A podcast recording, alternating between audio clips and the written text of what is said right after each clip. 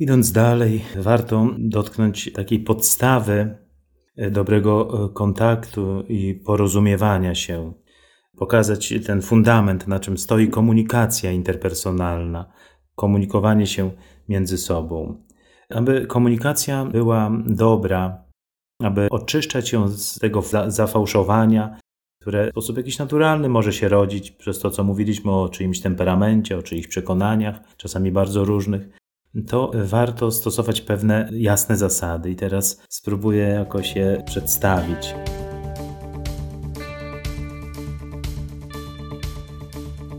Po pierwsze, nie oceniaj. W komunikacji nie oceniaj. Jeżeli zaczynamy oceniać, to jakby słyszę, jak się zatrzaskują drzwi, a jesteś taki, taki, taki, tyle razy robisz tak, jesteś zły, niedobry, nie rozumiesz mnie, kłamiesz. Te oceny powodują y, zamykanie się drugiej strony na, na komunikację. On wszystko o mnie wie, on ma o mnie zdanie, y, on mnie tak postrzega, więc y, w ogóle nie warto z nim rozmawiać, bo tylko się pokłócimy. Bez kija nie podchodź, tak się mówi, prawda? Ani z nim szyć, ani z nim pruć, więc lepiej omijać łukiem. Żeby komunikacja się e, poprawiała, także w relacjach przyjacielskich, w relacjach małżeńskich, to trzeba wypracowywać w sobie, myślę, że to jest taki proces ciągły, taką umiejętność nieoceniania. Jest tak, gdzie się włącza taki mechanizm ocenić. Jak ona się dzisiaj ubrała, jejku, tak się ubrała wyzywająco. Co ona chce temu Kazikowi powiedzieć? Tym, chyba to jest oczywiste, co ona chce mu powiedzieć.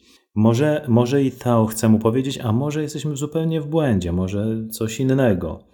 Warto wchodzić w taką relację. Jeżeli coś ocenimy, skrytykujemy, czasami możemy niewerbalnie tak na kogoś spojrzeć, że on już nie będzie chciał z nami rozmawiać, bo już go wzrokiem oceniliśmy, spojrzeliśmy tak na drugiego człowieka, że on odwrócił się i już nie chce z nami rozmawiać. Po pierwsze, nie oceniaj. W rozmowie nie uogólniamy i dążymy bardziej do szczegółu niż do ogółu, bo takie ogólne rozmowy to one jeszcze większą pokazują panoramę, więc jeszcze trudniej będzie nam coś zrozumieć.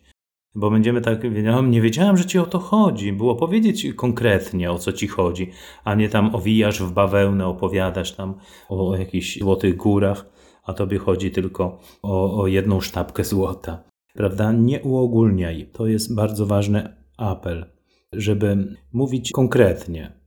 Jeżeli jest jakaś trudność, konkretnie nazywamy, e, a nie tak, że mamy jakiś taki apel ogólny. Rozumiem to, że nie chcemy kogoś zranić, więc szukamy w sobie takich słów, żeby dobrze wyrazić pewną, pewien apel, który chcemy przekazać.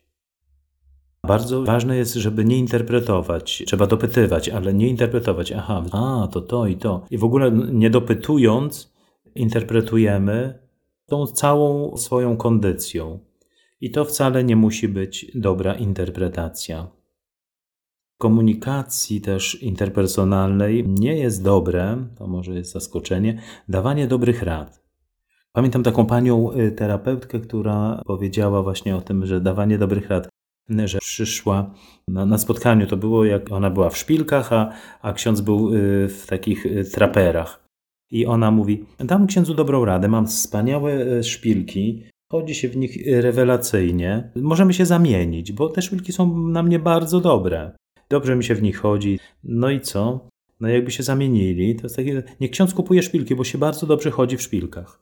To, co jest dobre dla mnie, wcale nie musi być dobrą radą dla kogoś. To może, może być wręcz fatalną radą, można sobie księdza w szpilkach wyobrazić gdzie by zaszedł. Pani w traperach by jeszcze gdzieś tam poszła, ale, ale ksiądz w szpilkach, jaki apel by też dawał niewerbalny tym, których by spotkał na, na ulicy, co by ludzie sobie też pomyśleli o takim księdzu w szpilkach.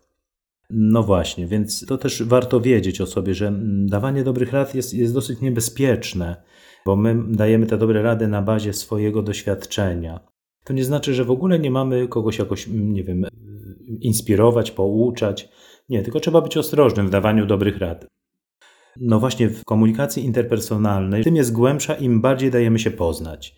Jeżeli rozmówcy nie chcą, żeby ktoś ich poznał, no to, to, to, to się tak ślizgamy w tej komunikacji. Tak czasami może być nawet w jakiejś relacji bliższej, że ktoś nie, nie wpuszcza kogoś. I nieraz miałem takie, że proszę księdza, mój mąż nigdy mi nie mówi o swoich uczuciach, o, o tym, co przeżywa. Jest mi tak przykro, ja, ja wszystko mu powiedziałam, Ja mówię, że przy Pani, to, że Pani powiedziała, to nie znaczy, że on musi się tym odwdzie- odwzajemnić. Warto też dopytywać, rozmawiać, dlaczego potrzebuję, żebyś mi powiedział, co czujesz, dlaczego jesteś smutny, co tam u Ciebie, a tam stara bieda, co tam u mnie, nie ma o czym rozmawiać. Ale powiedzieć, potrzebuję, chciałabym wiedzieć, martwię się, boli mnie to, że nie mówisz mi nic o sobie. No nic na siłę, prawda?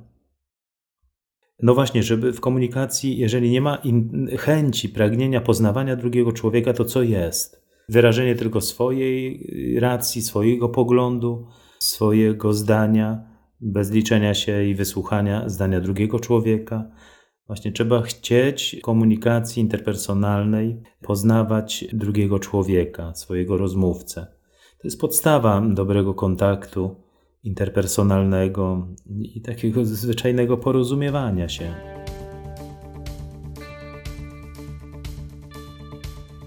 Bardzo ważne jest przekazanie informacji zwrotnej, że ktoś coś powiedział, i nawet jeżeli wiemy, że sprawa jest bardzo ważna i ktoś coś powiedział, to ja dopytuję, ale proszę mi wybaczyć, ale ja spróbuję y, zinterpretować to, co Pan powiedział. Czy chodzi Panu o to, o to, o to i o to?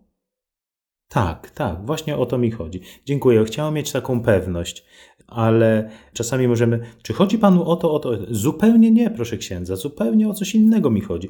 Proszę powiedzieć jeszcze raz. Właśnie przekazać informację zwrotną.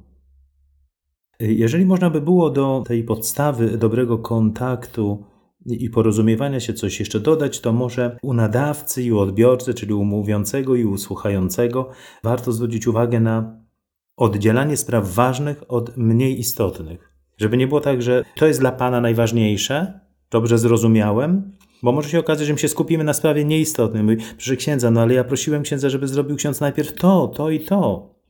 A ja myślałem, że to, bo dla mnie to było ważniejsze. No nie, no zupełnie nie, no nie dogadaliśmy się. To ja tydzień zmarnowałem, bo czekałem, myślałem, że ksiądz to zrobi, no jestem w rozsypce. Już jest konflikt. Czyli oddzielajmy sprawy ważne od mniej ważnych i dopytujmy. Mówimy do drugiego człowieka, a nie o drugim człowieku. Komunikacja no to jest może na dalszym etapie, ale y, nie można y, coś komuś komunikować i patrzeć się w ziemię, albo gdzieś w sufit, albo gdzieś w dal, tylko trzeba mieć też kontakt wzrokowy, ale taki naturalny, że nie można w kółko komuś patrzeć w oczy. Ale to musi się odbywać naturalnie. Czasami po rozmowie ktoś mówi, Jezu, nie spojrzał nawet na mnie gdzieś patrzył w dal, gdzieś buty, sznurówki sobie oglądał, a, a nawet y, nie spojrzał na mnie. Y, w komunikacji tej, takim, takim apelem dla nadawcy i odbiorcy jest ważne, że wyrażaj potrzeby, obawy i, i uczucia.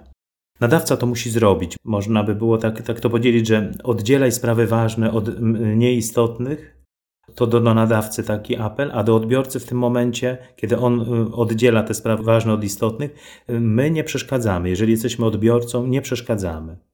Kiedy mówimy do partnera, a nie o nim, odbiorca powinien dać czas i uwagę. Możemy czasami spotkać czucie po rozmowie niewysłuchani, że on w ogóle mnie nie słuchał, tylko mówił, powiedział to, co chciał. I to, co mówiłem już, że wyraża i potrzeby, i obawy, i uczucia, to nadawca, a odbiorca musi sprawdzać, czy dobrze zrozumiał.